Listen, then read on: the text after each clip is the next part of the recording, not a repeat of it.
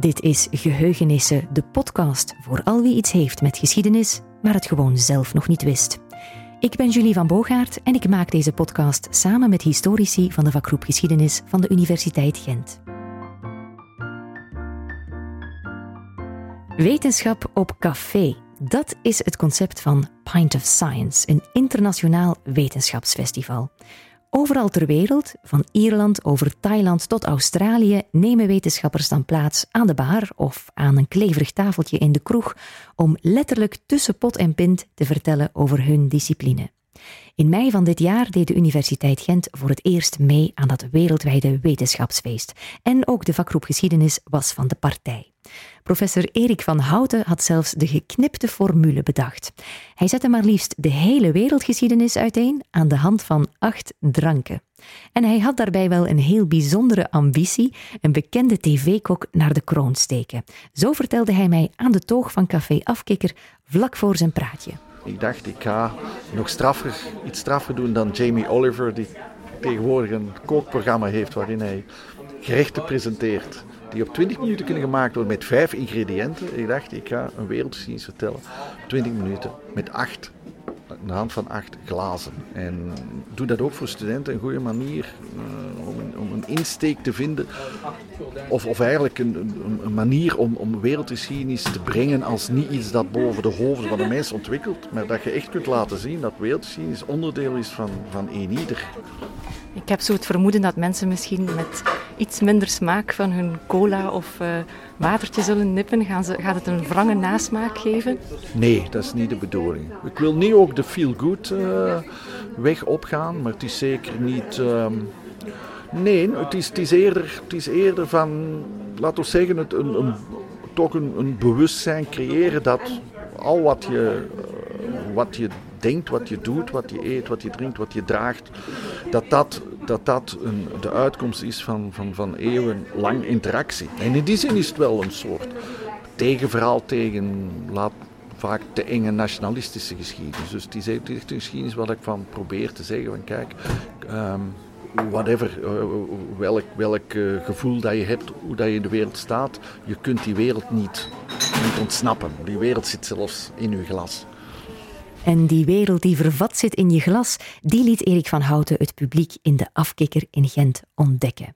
Schenk jezelf een frisse pint uit, een smaakvolle kop koffie of misschien zelfs een rum cola en zet je schrap voor een reis rond de wereld en doorheen de tijd met professor Erik van Houten op het Pint of Science Festival. Misschien toch graag van jullie een advies. Met welke drank zou ik best beginnen als ik een verhaal over de mens en zijn drankgedrag moet vertellen. Waar begin ik mee?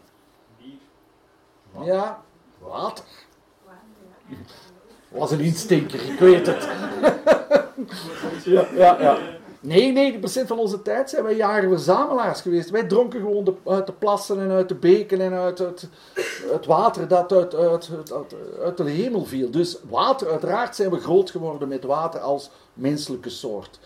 Natuurlijk komt dan dat heerlijke moment waarop we dat die heel domme beslissing hebben genomen om geen jager-verzamelaars meer te worden, maar te beginnen boeren. Dom, daar is een heel verhaal over te vertellen. Je moet veel langer werken voor veel minder eten. Het is eigenlijk een heel gekke idee. Maar er zijn ook goede uh, uitkomsten. En op die manier hebben we ook uh, het mogelijk gemaakt om die eerste goddelijke drank te kunnen produceren. Want bier is natuurlijk de uitkomst van een heel lange geschiedenis. De eerste landbouwculturen waren culturen die gebaseerd zijn op het veredelen van grassen. Dat is wat we deden. Die grassen werden via allerlei selectiemethoden groter, langer. De aren werden groter en langer en we begonnen graan te eten. Dat graan moet je, kun je bewaren als je daar slim mee bezig bent. Maar ja, we hadden nog een, een slimmere oplossing, namelijk een deel van dat graan te laten gisten. En om te zetten, deel van de suikers, om te zetten in alcohol. En op dat vlak krijg je dus de consumptie van bier. En de eerste grote landbouwmaatschappij uh, in de valleien van de Tigris en de Eufraat, in de vallei van de Delta, maar evengoed in de vallei van de Ganges, in de vallei van de Gele rivier, de Yangtze-rivier enzovoort, zijn uh, culturen die allemaal groot geworden zijn op het, verteel, op het verbouwen van graangewassen. En het verbouwen van bier is eigenlijk een van de eerste grote inventies van onze mensheid. En dank hen, want ze hebben ons veel vreugd geschonken. Nu, de volgende stap die we zetten, is een stap naar de mediterrane wereld. De mediterrane wereld, en hier zie je een aantal uh, afbeeldingen die daar direct naar verwijzen. De, de wereld waar de cultuur van druiven natuurlijk zo belangrijk was. En waarmee dat we de andere goddelijke drank, goddelijke drank, wijn van aan te danken hebben. De wijncultuur is een cultuur die, die gegroeid is rond de Middellandse Zee. Ehm, en eigenlijk al in de, in de vroegste culturen, de Fenicische cultuur, de Minoïsche cultuur op Kreta, maar is natuurlijk een, een, gigantisch belangrijk product geworden, zowel voor de lagere klasse als voor de hogere klasse in de Griekse en Romeinse wereld. Het is eigenlijk misschien ook het eerste product dat je kunnen zeggen dat massaal verhandeld is geworden. Hè. De, de, de handel in wijn, in de grote amfora's, um, was, een, was een bijzonder lucratieve en, en, en, en, drukke handel. En was dus echt onderdeel van het proces van de groei van die Grieks-Romeinse wereld. Ehm, en, en, met alle idyllische, uh, idyllische prenten die we daarbij ons kunnen voorstellen. Het, het gekke is dat bier eigenlijk, ten tegenstelling tot bier, bier dat nu op dit moment de meest geconsumeerde drank ter wereld is buiten water, hè, in alle mogelijke vormen, is wijn, ehm, heeft wijn toch altijd die status, ook die gemixte status kunnen behouden van in bepaalde delen van de wereld een volksdrank, maar ook die high society upgraded uh, drink, wanneer dat je dus uh, sociale promotie maakt overal ter wereld, je ziet dat heel goed bij de Chinese elites bijvoorbeeld, dan ga je ook dure wijnen drinken. En als je echt heel veel geld hebt, dan, koop je natuurlijk een château ergens in Frankrijk. Maar dit hebben we dus overgeërfd van onze uh, mediterrane wereld. Nu, een beetje verrassend zou je kunnen zeggen, want het gaat ook over alcoholische dranken, gaan we nu naar de Arabische wereld. Want dankzij de Arabische wereld dat we een ander heel belangrijk proces hebben overgeërfd, namelijk het proces van distilleren. Nu, distilleren, dat kun je met praktisch alles doen. Alle vruchten die zetmeel hebben, daar kun je uh, suikers uh, uit, creëren. Die suikers, daar kun je, via distilleren kun je daar alcohol van maken. Dus men heeft van de gekste zaken heeft men alcohol geproduceerd. Uh, niet altijd met succes. Maar laten we zeggen dat het distilleren als proces aan zich is echt een erfenis van die andere enorm belangrijke grote cultuur die gegroeid is uh, in, laten we zeggen, tussen Europa en het Verre Oosten in hè, die grote Arabische islamitische wereld. Nu, je zou zeggen, inderdaad, dat is gek, want hè, de alcohol associëren niet direct met de islamitische wereld, maar het distilleren als proces is vooral ontworpen in die wereld om dus parfums te maken. Hè, om dus eigenlijk heel geconcentreerde uh, goedjes te maken op basis van bijvoorbeeld rozenblaadjes. Dus dat proces is ook ingezet om dus uh, dranken te distilleren op basis van heel veel andere mogelijke producten. Nu, welk distillaat denken jullie, als je naar de wereldgeschiedenis kijkt, heeft de wereldgeschiedenis het meest herschreven? Aan welke drank, sterke drank, denken jullie van dat heeft een enorme impact gehad op, op, op onze geschiedenis? Rum. Rum. En rum is gemaakt van? Suikerriet. Ja. En waar denk je dan aan? Rum, suikerriet, wat associeer je? Zeevaart, maar ook slavernij.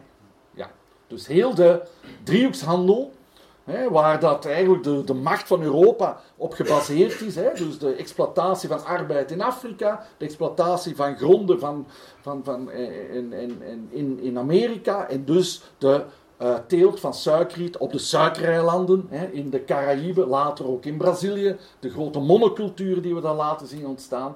Maar dus de productie van rum uh, wordt dus ook een betaalmiddel om de slaven te kopen. Wordt een betaalmiddel om dus eigenlijk die driehoekshandel mee te smeren. Dus rum is een gigantisch belangrijk product in eigenlijk de, de, de opkomst van Europa uh, binnen die uh, vermalendijde driehoekshandel. Maar, en hier komt natuurlijk Europa om de hoek kijken. Hè. We hebben door de macht die wij, ons ontwik die wij ontwikkeld hebben de voorbije vijf, zes eeuwen hebben we heel veel bestaande dranken, of die elders populair waren, naar ons toegetrokken en gepopulariseerd in Europa. En dan tegelijkertijd ook weer via die springplank van Europa eigenlijk populair gemaakt op wereldschaal. En een volgende drank is natuurlijk de koffie. Uiteraard heeft Europa de koffie niet uitgevonden, de koffieproductie, de koffieconsumptie. Maar wij hebben wel de koffie een, een mondiaal product gemaakt. En misschien kent u het verhaal van de eerste koffiebonen die in Europa binnenkwamen dankzij, dankzij de Ottomanen, de Turken, hè, die op een bepaald moment de 17e eeuw Wenen hebben belegerd, um, aan de poort van Wenen hebben gestaan. Het heeft geen haar gescheeld of hè, de Turken hadden Wenen veroverd. En wat had er met Europa dan gebeurd, wie weet. Maar wanneer ze ze terugtrokken, dat ze dus een, een zak gebrande koffiebonen achterlaten. En de eerste koffieshop zou dus in Wenen geopend zijn.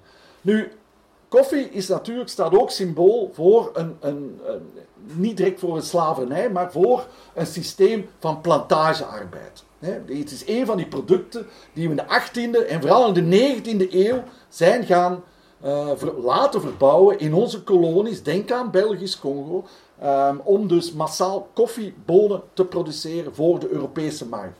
Want we zitten dan ook in een tijd waarin koffie uh, langzamerhand uh, bier, uh, allerlei soorten van bier, beginnen te vervangen als populaire volksdrank.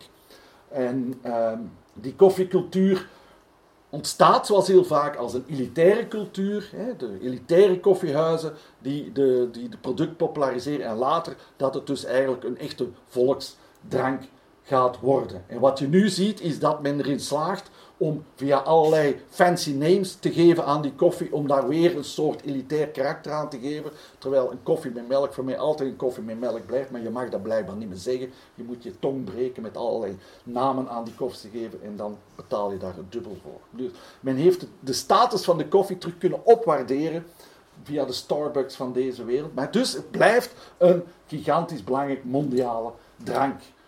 Nu, um, naast de koffie hebben we natuurlijk ook de thee. Nu, Europa zelf is niet direct plat gegaan voor de thee. Dat heeft wel een raar eilandje dat in de Noordzee ligt, is dat wel, uh, heeft dat wel gedaan. Maar dat heeft ook weer een enorme impact gehad op de wereldgeschiedenis. Want het zijn de Britten natuurlijk die de wereld hebben hertekend in de 19e eeuw. Het zijn de Britten die de absolute heersers waren van de waves, van de golven, van de zeeën, maar ook van een heel groot stuk van de wereld, inclusief het hele subcontinent India. Nu, de Britten hadden twee problemen. Ze hadden een enorme zin in thee. Er was een enorme vraag in thee. Dus de, de, de Britse Oost-Indische Compagnie wilde absoluut gigantische hoeveelheden thee richting uh, Engeland uh, importeren. Maar ze hadden geen echte thee-producerende regels. Nu, ze hadden delen van India, ze hadden Ceylon. Maar ze hadden eigenlijk de grote thee-producerende regio, zoals jullie weten, is China. Maar de toegang tot de Chinese markt is altijd heel moeilijk geweest. Nu, de enige manier waar je vroeger toegang had tot de Chinese markt is dat je veel zakken met zilver had. Maar dat is een kostelijke zaak. Zilver moest je ook kunnen. Dus dat was een probleem. De tweede mogelijkheid was om proberen een product te verzinnen dat de Chinezen ook nodig hadden en, dat hè, waarmee dat je dus de theehandel kon financieren. En dat product vonden ze in de tweede helft van de 18e eeuw met groot geluk in opium. En Engeland wordt de grootste legale drugdealer die de wereld ooit gekend heeft. Wat, wat, wat doet Engeland? Ze laten in Indië door miljoenen Indische boeren uh, papavers kweken via verplichte arbeid, verplichte productie. En de opbrengst van die papavers, dus de melk en dus, dus eigenlijk opium, wordt naar, naar, naar China verscheept en wordt als betaalmiddel ingezet om de thee van China naar Engeland te verschepen, waar dan de, de Britten dan hun high tea konden nippen. En dit is toch wel ook weer een, een, een verhaal een, dat in de wereldgeschiedenis toch een heel bijzondere twist geeft, vind ik. Hè? Want je krijgt dus een enorme opiumepidemie, een opiumverslaving in China in de 19e eeuw door die gigantische import die gewoon door Engeland gesubsidieerd, gepromoot werd om dus aan hun thee te geraken uh, in het thuisland.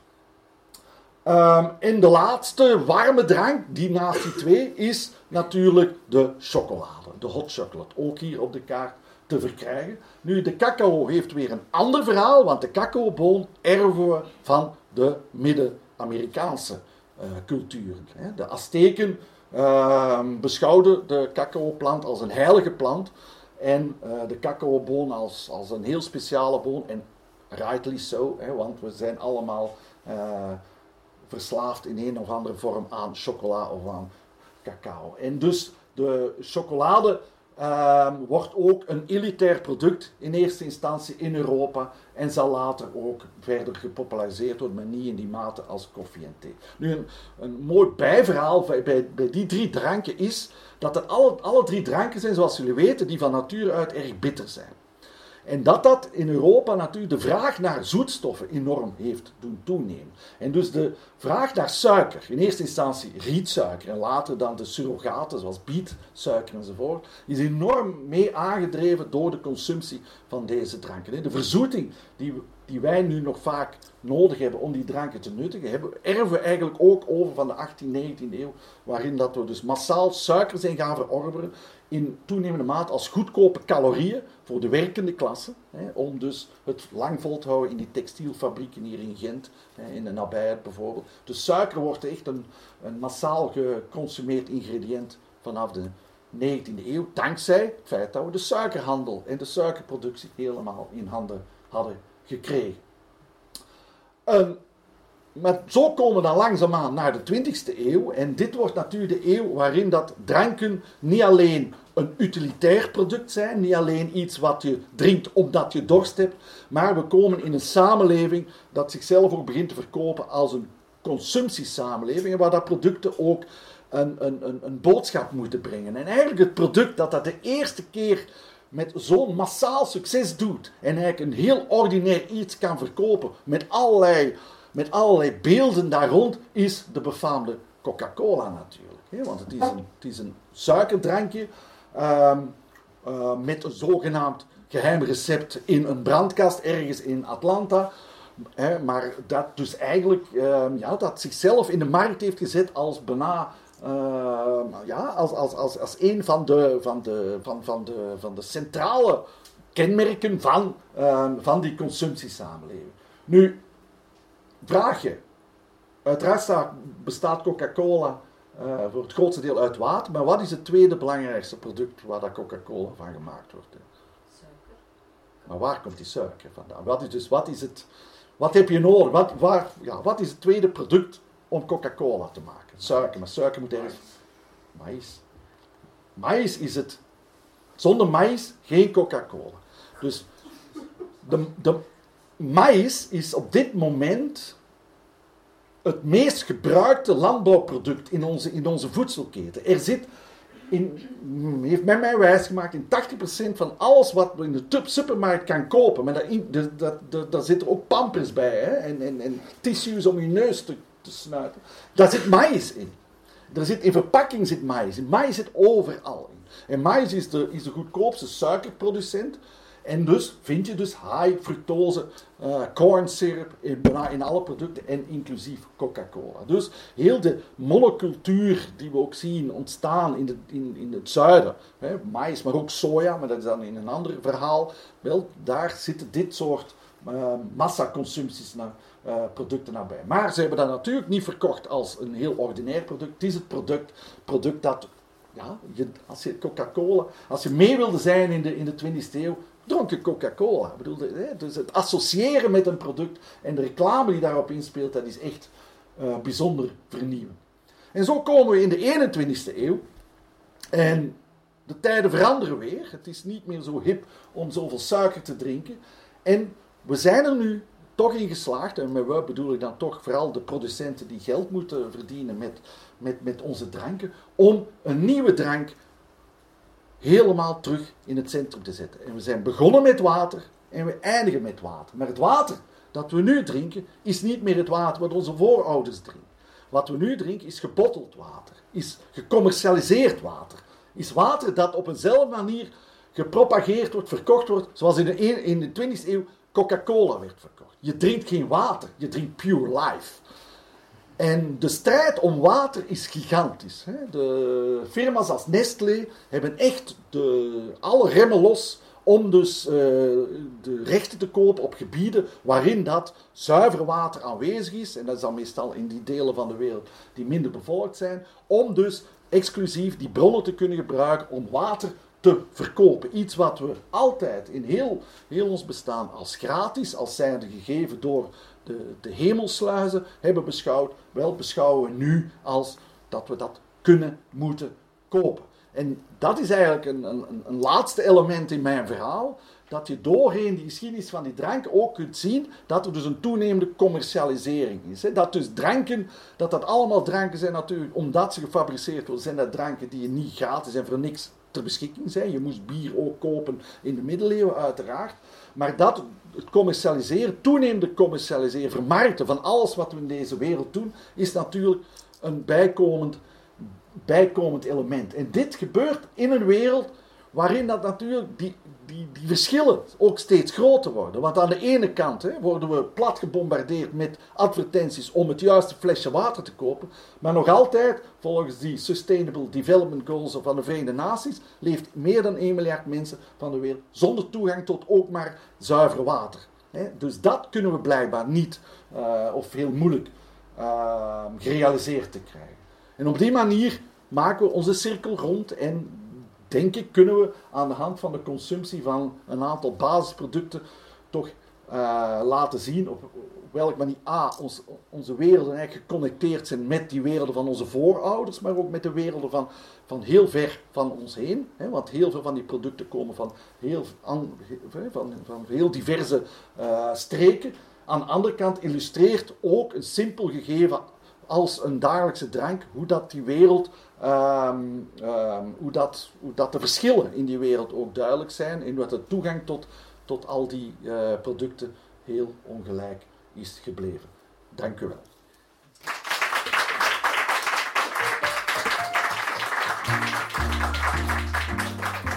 Applaus voor Erik van Houten. Hij serveerde het publiek in Café Afkikker letterlijk een Pint of Science en nog zeven andere dranken voor het Pint of Science Festival. Een beknopte wereldgeschiedenis aan de hand van acht drankjes.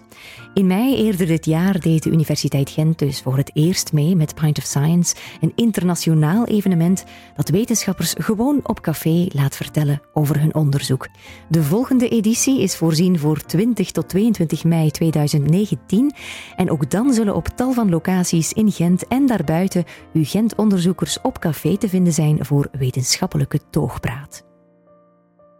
Met de zomervakantie was het even wachten op deze twaalfde aflevering van Geheugenissen, maar blijkbaar hebben jullie tijdens jullie vakantie toch behoorlijk veel geluisterd naar de voorgaande elf afleveringen en dat doet ons bijzonder veel plezier. Zo zagen we op Twitter dat Geheugenissen graag beluisterd wordt tijdens lange autoritten. Altijd leuk om te horen hoe en waar jij naar onze podcast luistert. Laat het ons gerust weten via Facebook of Twitter. Voor dit najaar heeft Geheugenissen nog aardig wat boeiende verhalen uit het verleden in petto. In november herdenken we wapenstilstand met een bijdrage van Roos Spijkerman. Zij zal ons vertellen hoe herinneringen aan die historische dag aan 11 november vorm kregen in de hoofden en harten van soldaten. Geheugenissen kan rekenen op de steun van radiozender Urgent FM, te beluisteren op 105.3 FM of online. Heel fijn dat je luisterde naar Geheugenissen. Ik ben Julie van Bogaert en ik begroet je graag opnieuw in een volgende aflevering.